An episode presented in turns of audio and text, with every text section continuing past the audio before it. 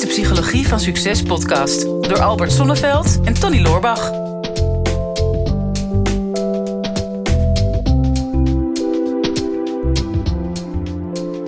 Ga ik beginnen? Ga jij beginnen? Ja, ik, uh, ik, ik, ik voel me een beetje onzeker, uh, Tony. Ik, ik, oh god, ik kom weer een heel slecht bruggetje aan. ik ben een beetje bang om, uh, om op mijn bek te gaan in deze uitzending. Ja, ja, ik dacht, nou ja, als jij begint, dan hebben we in ieder geval een sterke opening. Maar zal ik beginnen dan? Ja, doe maar. Ik, dan kan ik nog even nadenken. Ja, we hebben vragen over faalangst. Dat zou je natuurlijk helemaal niet nee, aankomen. Ja. dat is nou toevallig. Ja, ja best wel een lange vraag van oh, anoniem, zie ik. Ja, ook nog. Uh, ja. ja. nou op zich, dat snap ik wel als je last van faalangst hebt. Um, ik ga hem even, even samenvatten. Beste Albert en Tony, leuke podcast. Dit vind ik nog wel leuk. Ik luister het bijna elke avond voor het slapen gaan. Ik denk, jij wist niet dat het zo'n slaapverwekkende podcast was. Ja, maar nee, top. Ja. Um, even kijken hoor. Ik zou graag willen weten hoe ik van mijn faalangst afkom. Uh, tips op het internet, boeken lijken bij mij niet te helpen. Sterker nog, het wordt door de jaren heen steeds erger. Mijn hart gaat dan bonken als ik mezelf moet voorstellen tijdens een meeting. meeting mijn stem gaat dan ook vaak trillen. Nou, heel verhaal, maar uh, gaat over um, uh, ja, faalangst. En in dit geval is het, um, ja, denk ik, faalangst. Een beetje de sociale faalangst. Van, hè, als ik in een ja. meeting iets moet zeggen, dan, dan zijn de ogen op mij. Maar ik denk dat wij het gewoon over faalangst in het algemeen gaan hebben. Ja, ja, want het is wel erg situatiegebonden ook. Ja. Um, ja, maar ook een beetje met het uh, vooronderzoek uh, naar dit onderwerp. Hè, want dat vind ik altijd leuk om me daar nog weer wat extra in te verdiepen. Je wist niet zeker of je er genoeg vanaf wist. Nee, ja, dat was natuurlijk alweer mijn angst. Dan, heb je het, dan, krijg, dan krijg je het alweer. Nou ja, maar, heb, jij, dat is misschien, heb jij dat bij deze podcast? Want wij zijn nu natuurlijk, uh, ik weet niet hoeveel afleveringen we al hebben, maar 120 of zo. Ja. idee eigenlijk. Maar ja, wij, wij doen dit natuurlijk regelmatig. Heb jij dat wel eens bij deze podcast? Faalangst? Ja, ik, ik ben toch altijd nog wel ik weet niet, op een bepaalde manier wel alert. Zeg ik wel de juiste dingen. Um, voor mij moet het altijd wel kloppen. Ik wil geen onzin. Ik vind het altijd leuk om humor te gebruiken, natuurlijk net als jij. Maar ja, ik vind het altijd wel spannend dat ik denk van ja, ik, ik moet geen dingen roepen die niet kloppen of die niet wetenschappelijk verifieerbaar zijn of, uh, mm -hmm. of zoiets. Hè? Want ja, er zijn heel veel mensen die meeluisteren. En, uh, en tegenwoordig ook nogal wat mensen die uh, op Twitter of waar dan ook zich meteen geroepen voelen om, als het niet helemaal klopt, om dat dan ja. helemaal breed uit te meten ook. Klopt. Dus ja, en dat kun je natuurlijk nooit helemaal voorkomen. Maar ik merk wel dat ik dat spannend vind. En als het gaat over podiumangst, dat heb ik echt een hele lange periode gehad. Ja. Ja, en dat, daar was ik ook niet zomaar 1, 2, 3 vanaf. Van, dat, van het podium? Van het podium. Toen er eenmaal stond, kon nee, er niet meer vanaf kijken. Nee, nee, en ik werd ook voortdurend uitgenodigd weer om opnieuw het podium op te komen. Dat is echt, uh, ja. ja. Ja, herken ik wel. Maar, heb, heb ik ook. Podiumangst hetzelfde. Maar uh, ik heb dat met deze podcast ook.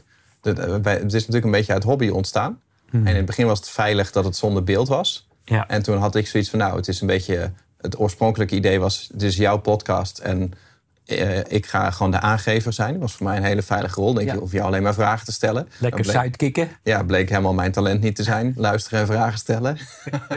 dus, dus dat is wat anders gegroeid. Maar ook als ik nu naar de aantallen kijk, hoeveel mensen er luisteren. Hebben we de vorige aflevering ook even bij stilgestaan. Of, uh, nou weet ik nu niet meer, de laatste keer genoemd. Maar gewoon ja, 12.000 luisteraars per aflevering ik moet daar ook niet te lang over nadenken. Nee. Dan ga ik ook wel nadenken van, nou, hè, we, we, doen het altijd spontaan. We bereiden het verder niet altijd veel voor, of eigenlijk helemaal Hmm. niet. Maar, maar ik ga wel steeds vaker denken van, oeh, ik moet wel de allerbeste versie van mezelf laten zien, de volgende podcast. Dus het moet meer dan perfect. Ja. En eigenlijk komt zo'n opnamedag dan altijd te vroeg. Hè? Of het nou vandaag is of over twee jaar, dat zou nog steeds te vroeg zijn. Ja. Want je bent nog steeds eigenlijk niet klaar. Ik ben maar blij dat we dit gewoon in de agenda hebben staan. Ja. Anders zou, anders zou ik het niet doen. Nee. Nou ja, het is wonderlijk hoe dat dan is. Sommige mensen zullen denken, ja, maar jullie, uh, je praat heel makkelijk en uh, professionals. En... Maar goed, uh, dat komt dan toch voor, hè, want het gaat over prestatie. Mm -hmm. we hebben het dan nu even over sociale fobie. Maar er zijn bijvoorbeeld ook mensen, heel veel studenten zullen het herkennen. Ook leerprestaties, dat ze zich ernstig zorgen maken. Mijn dochters die waren er altijd heel goed in om te zeggen... ik weet zeker na een toets dat ik een onvoldoende heb. Mm -hmm. Dus die gingen meteen downplayen, lowballen heet dat dan. Ja. Um, om, om, om, om zich alvast een beetje in te dekken voor een mogelijk falen. Iets wat niet vaak wordt besproken, maar uh, op het gebied van seksualiteit falen. Hm. Uh, nogal wat men, ik, mensen, ik geloof eh, de helft van de mannen boven de 40 jaar hebben wel eens erectiestoornissen. Oké. En eh, ja, kan Ja, maar. ik ben, nog- ben nog lang niet zo ver. Nee, nee, nee, nee. Je zit toch helemaal niet op die leeftijd. Nee. Maar ehm, nou, ja, dan kan er een fysiologische oorzaak achter zitten. Maar 9 van de 10 keer is dat ook een, een, een psychologisch geheel. Van ja, ik moet presteren in bed. Ja, en dan heb je het al op het moment dat je moet presteren. Ja, dan blokkeer je. Oh ja. ja ik presteer best onder druk. ja, zie je? dit, dit stuk gaat bij mij altijd wel goed. Er nou ja, dus wordt ook altijd heel veel druk opgelegd. Ja, nou ja, en dan, dan heb je het dus al, Tony. Dat je, dat je dus ziet, het is heel wonderlijk dat je in bepaalde situaties je heel makkelijk beweegt en je heel vrij voelt. En in andere situaties juist een extreme angst hebt om te falen. Dus het is ook wel heel erg situatiegebonden. Ja, want kijk, bij, bij faalangst eh, denk je natuurlijk gewoon aan het, aan het, eh, het, eerste stadium van... Hey, ik moet een bepaald iets gaan doen. Bijvoorbeeld, ik moet een toets gaan maken. Of eh, ik moet iets op mijn werk gaan presteren. En ik ben, ben bang dat ik dat niet goed ga doen. Of ik moet op het podium, ik moet een praatje gaan houden. En ik denk dat ik daar niet goed genoeg voor ben. En dat is een beetje het, het cognitieve, zeg maar. Hè? Dat, je, dat stemmetje van ik ben daar niet goed genoeg voor of ik ga falen. Maar je hebt het natuurlijk ook de faalangst in, in sociale zin. Hè? Dat je denkt van nou, ik hoop niet dat de aandacht op mij gefocust wordt. Want ik kom niet goed uit mijn woorden als eh, ik in een groep ben die ik niet ken. Hè? Of ik ga stotteren of ik zeg soms domme dingen. Of ik weet überhaupt niet wat ik moet zeggen en dan val ik stil. En dan wordt het misschien ongemakkelijk. En dat, dat, kan natuurlijk, dat kan ook een bepaalde faalangst Ja, zijn. kan jij ooit stilvallen, Tony? Dat is, weg. dat is nieuw voor mij. Maar eh, Nou, ja, ja, dat ligt er maar. Kijk, in zo- in zo'n podcast zoals dit, wij zijn natuurlijk gewoon in gesprek. Ik weet wel van tevoren van, wij gaan niet stil, stilvallen. Maar ik, ik heb wel altijd het stemmetje in mijn hoofd van, wie, wie ben ik om hier iets over te zeggen? Kijk, ik ben geen psycholoog. Hè. Ik, ik zou dit ook nooit doen als jij er niet bij zou zitten. Ehm, ik denk, mensen waarderen het en daarom blijven wij het maken. En ik vind het leuk om te doen. Dat is in principe reden genoeg om het te blijven doen. Maar ik denk wel vaak van, ja, wie ben jij nou om, om antwoord te geven op dit soort vragen? wat weet jij er nou eigenlijk Ja, wat weet ik er nou? Ja, heel vaak, dat, ik zeg het natuurlijk ook wel vaak wel bij. Of ik haal maar iets uit mijn eigen leven. Maar eh, dat stemmetje, dat is er wel. En tegelijkertijd ook wel van ja, ik moet niet iets gaan zeggen wat te kort door de bocht is. Of wat niet klopt. Of waarmee ik iemand eh, tegen, de- eh, tegen me in het harnas jaag. Ja. Dus, dus daar zit het wel. En ik heb als ik het over online marketing moet hebben, geen probleem. En dan heb ik dat stemmetje helemaal niet. Of nou, niet, niet meer zo, had ik in het verleden wel. Maar ga ik bijvoorbeeld op een, op een blind date.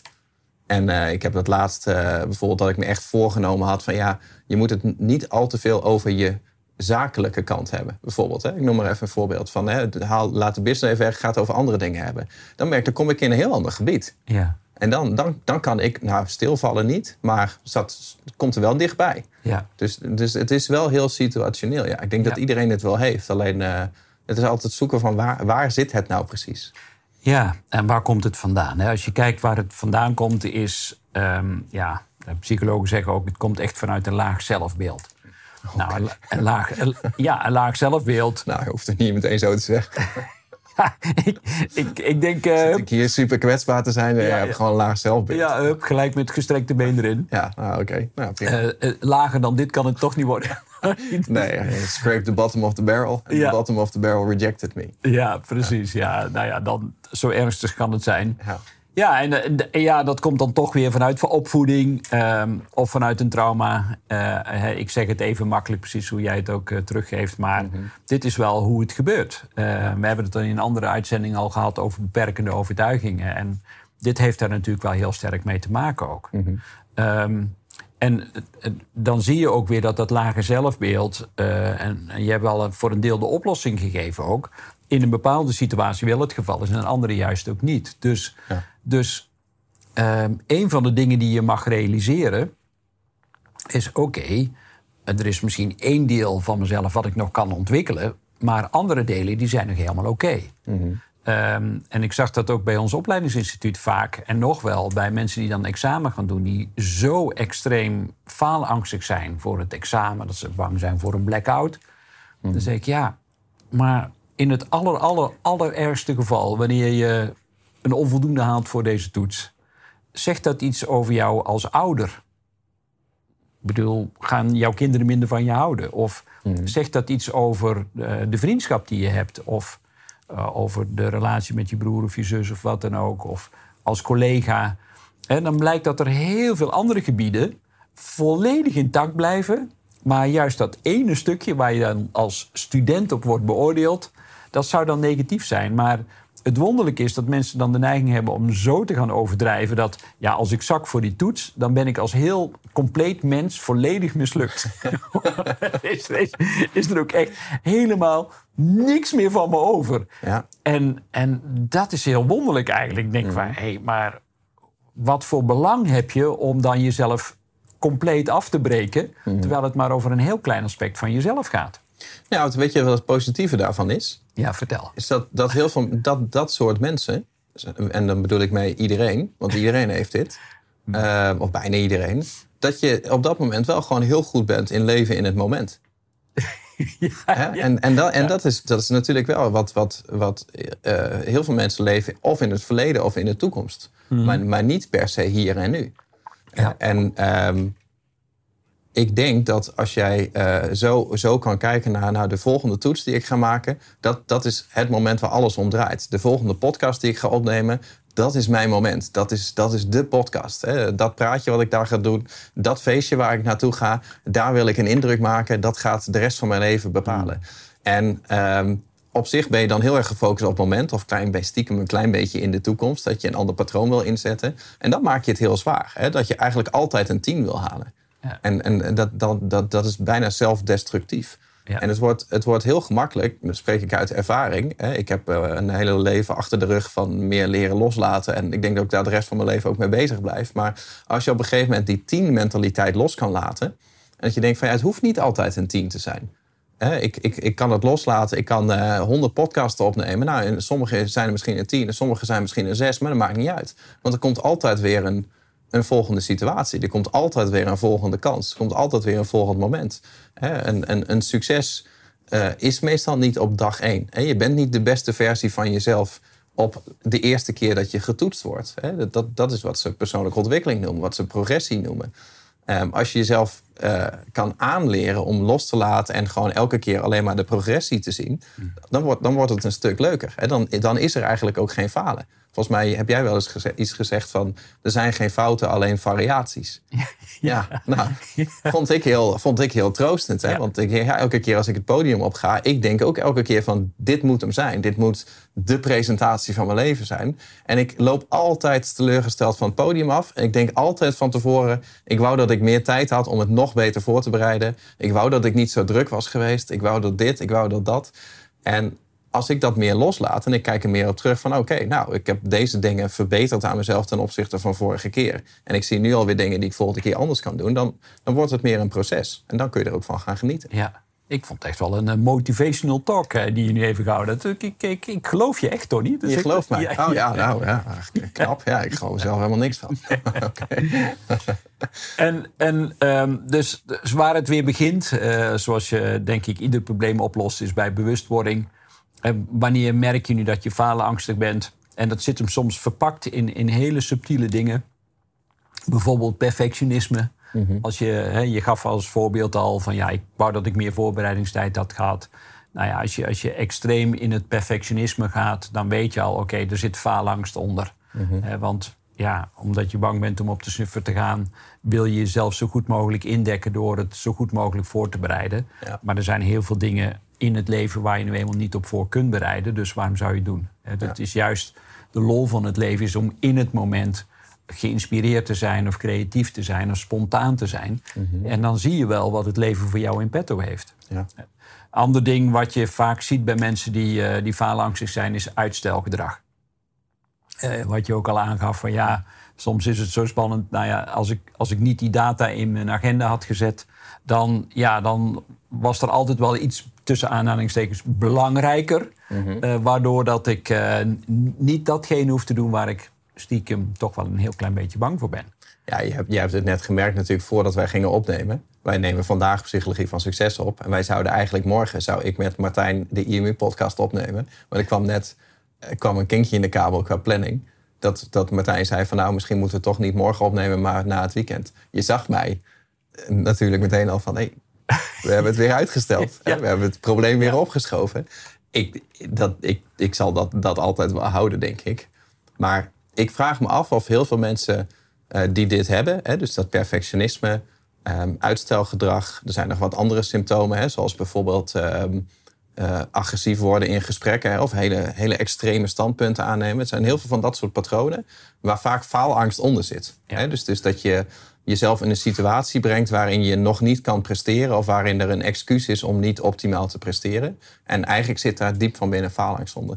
Ik denk dat heel weinig mensen zich realiseren dat, dat faalangst het probleem is en dus niet perfectionisme of, of dat gedrag het probleem is. Ja, nou, als je daar al eerlijk over kunt zijn en, ehm, en ook stopt met andere mensen of de situatie de schuld te geven. Mhm. want dat is, dan, dat is dan een tweede stap die veel mensen doen. Is van, ja, uh, het lag aan het weer. Of het, uh, ja, het, het, het, het, had met die date te maken die, uh, die me ongemakkelijk uh, gevoelens ja, gaf. stelde of, mij de verkeerde vraag. Ja, of, ja, die stelde me de verkeerde vraag.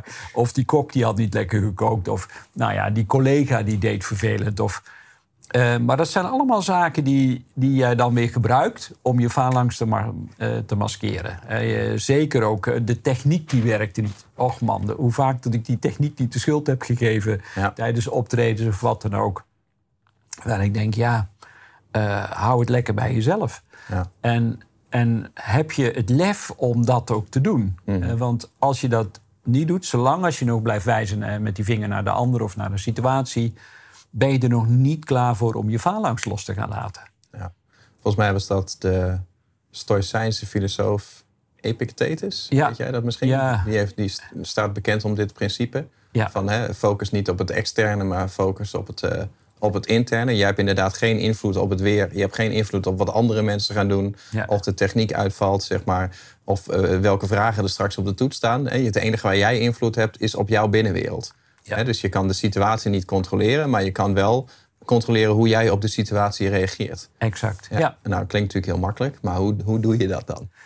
Ja, nou ja, dus, dus het eerste is dat je het gaat herkennen, het gedrag bij jezelf. Het tweede is dat je ja, stopt met de ander de schuld te geven. Ja, en dan zul je langzaam maar zeker moeten gaan oefenen in situaties die, waar je bang voor bent. En ah, er is geen andere manier. Er is geen quick fix. Oh, er is niet... Jammer, want we hebben nog maar een paar minuten. Ja, en, en we hebben natuurlijk wel op te hopen nu. Ja, geweld, geweldige um, ja, zelfhulpboeken. En natuurlijk, eh, wij hebben ook hele mooie e-learnings. Maar zelfs die, als je die helemaal doorgespit hebt en geluisterd hebt... dan komt het natuurlijk wel uh, aan op toe gaan passen. Mm -hmm. uh, iets wat je spannend vindt, zul je moeten gaan doen. Je moet het monster in de bek kijken. Mm -hmm. Hoe vaak dat ik zo bijna hyperventilerend het podium op moest en, en, mezelf de vraag stelde van waarom doe ik dit? Ik wil dit, ik doe het nooit meer. en, en, en het is echt gewoon de laatste keer, ik laat me niet meer verleiden, ik wil het niet. En tegelijkertijd, als ik daarna van het podium afkwam, dat mensen zeggen, wauw, dit heeft me zo geraakt. En mensen emotioneel in de zaal en zo. En omdat ze het leuk vonden ook. Hè. Ja, ja, ja. niet ja, niet omdat het zo beroerd was.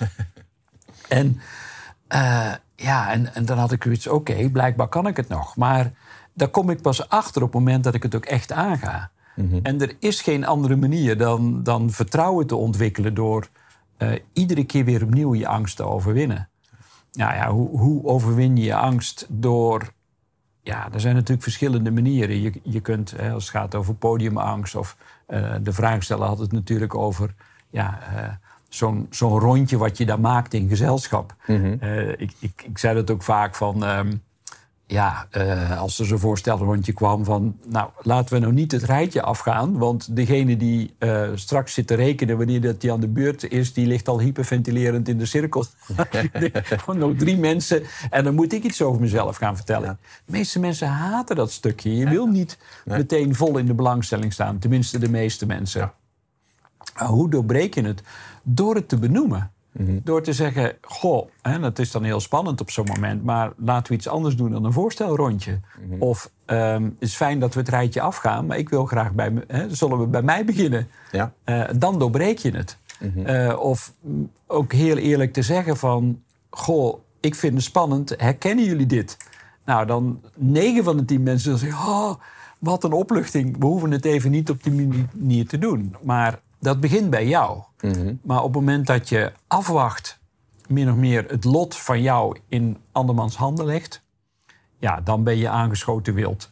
Ja. Dus ehm, wat, ik, wat ik vaak op het podium deed, was ook ehm, het direct vanaf het eerste moment benoemen. Zeggen van nou, ik ben hier ingehuurd als de stressexpert. Eh, niemand die zo gestrest is in de hele zaal als ik op dit moment. Omdat ik het nog steeds spannend vind. En, en dat is vaak een verademing. Sowieso voor mezelf. Maar ook voor de mensen in de zaal denken... oh, hij is, dat is typisch Nederlands... hij is zo normaal gebleven. Ja, klopt, ja. Gelukkig. Nou ja, met, met- ik, ik heb het ook wel eens ervaren. En, en ehm, hè, we hebben het dan nu steeds over het podium, maar dat is voor ons beiden dan herkenbaar. Ehm, in eerste instantie moet je het gewoon vaak gaan doen.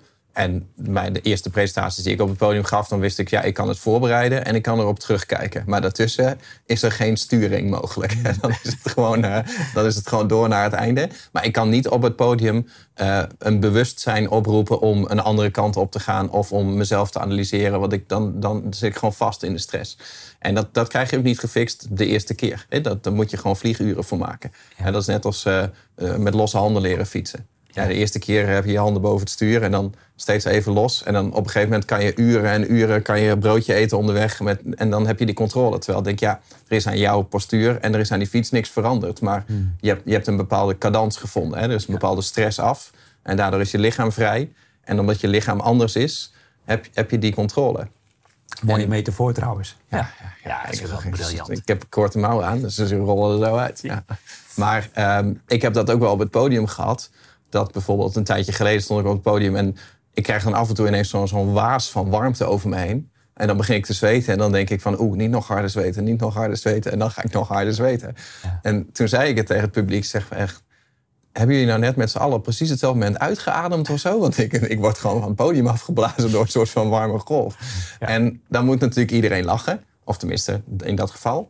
En ik merk dan aan mezelf, oké, het patroon is gebroken. Maar mijn, mijn fysiologie verandert ook. Ja. Hè, als jij eh, gestrest bent, dan raak je bevroren. Hè? En als je ergens bevroren ingaat met het idee van... Oh, ik moet niet falen, moet niet falen, moet niet falen. Ja, dan ga, dan ga je falen. Roze Maar- olifant. Ja. maar als jij eh, rondloopt alsof er niks aan de hand is... en je hele fysiologie straalt dat uit... dat, dat doet zelfs iets met je hormoonhuishouding.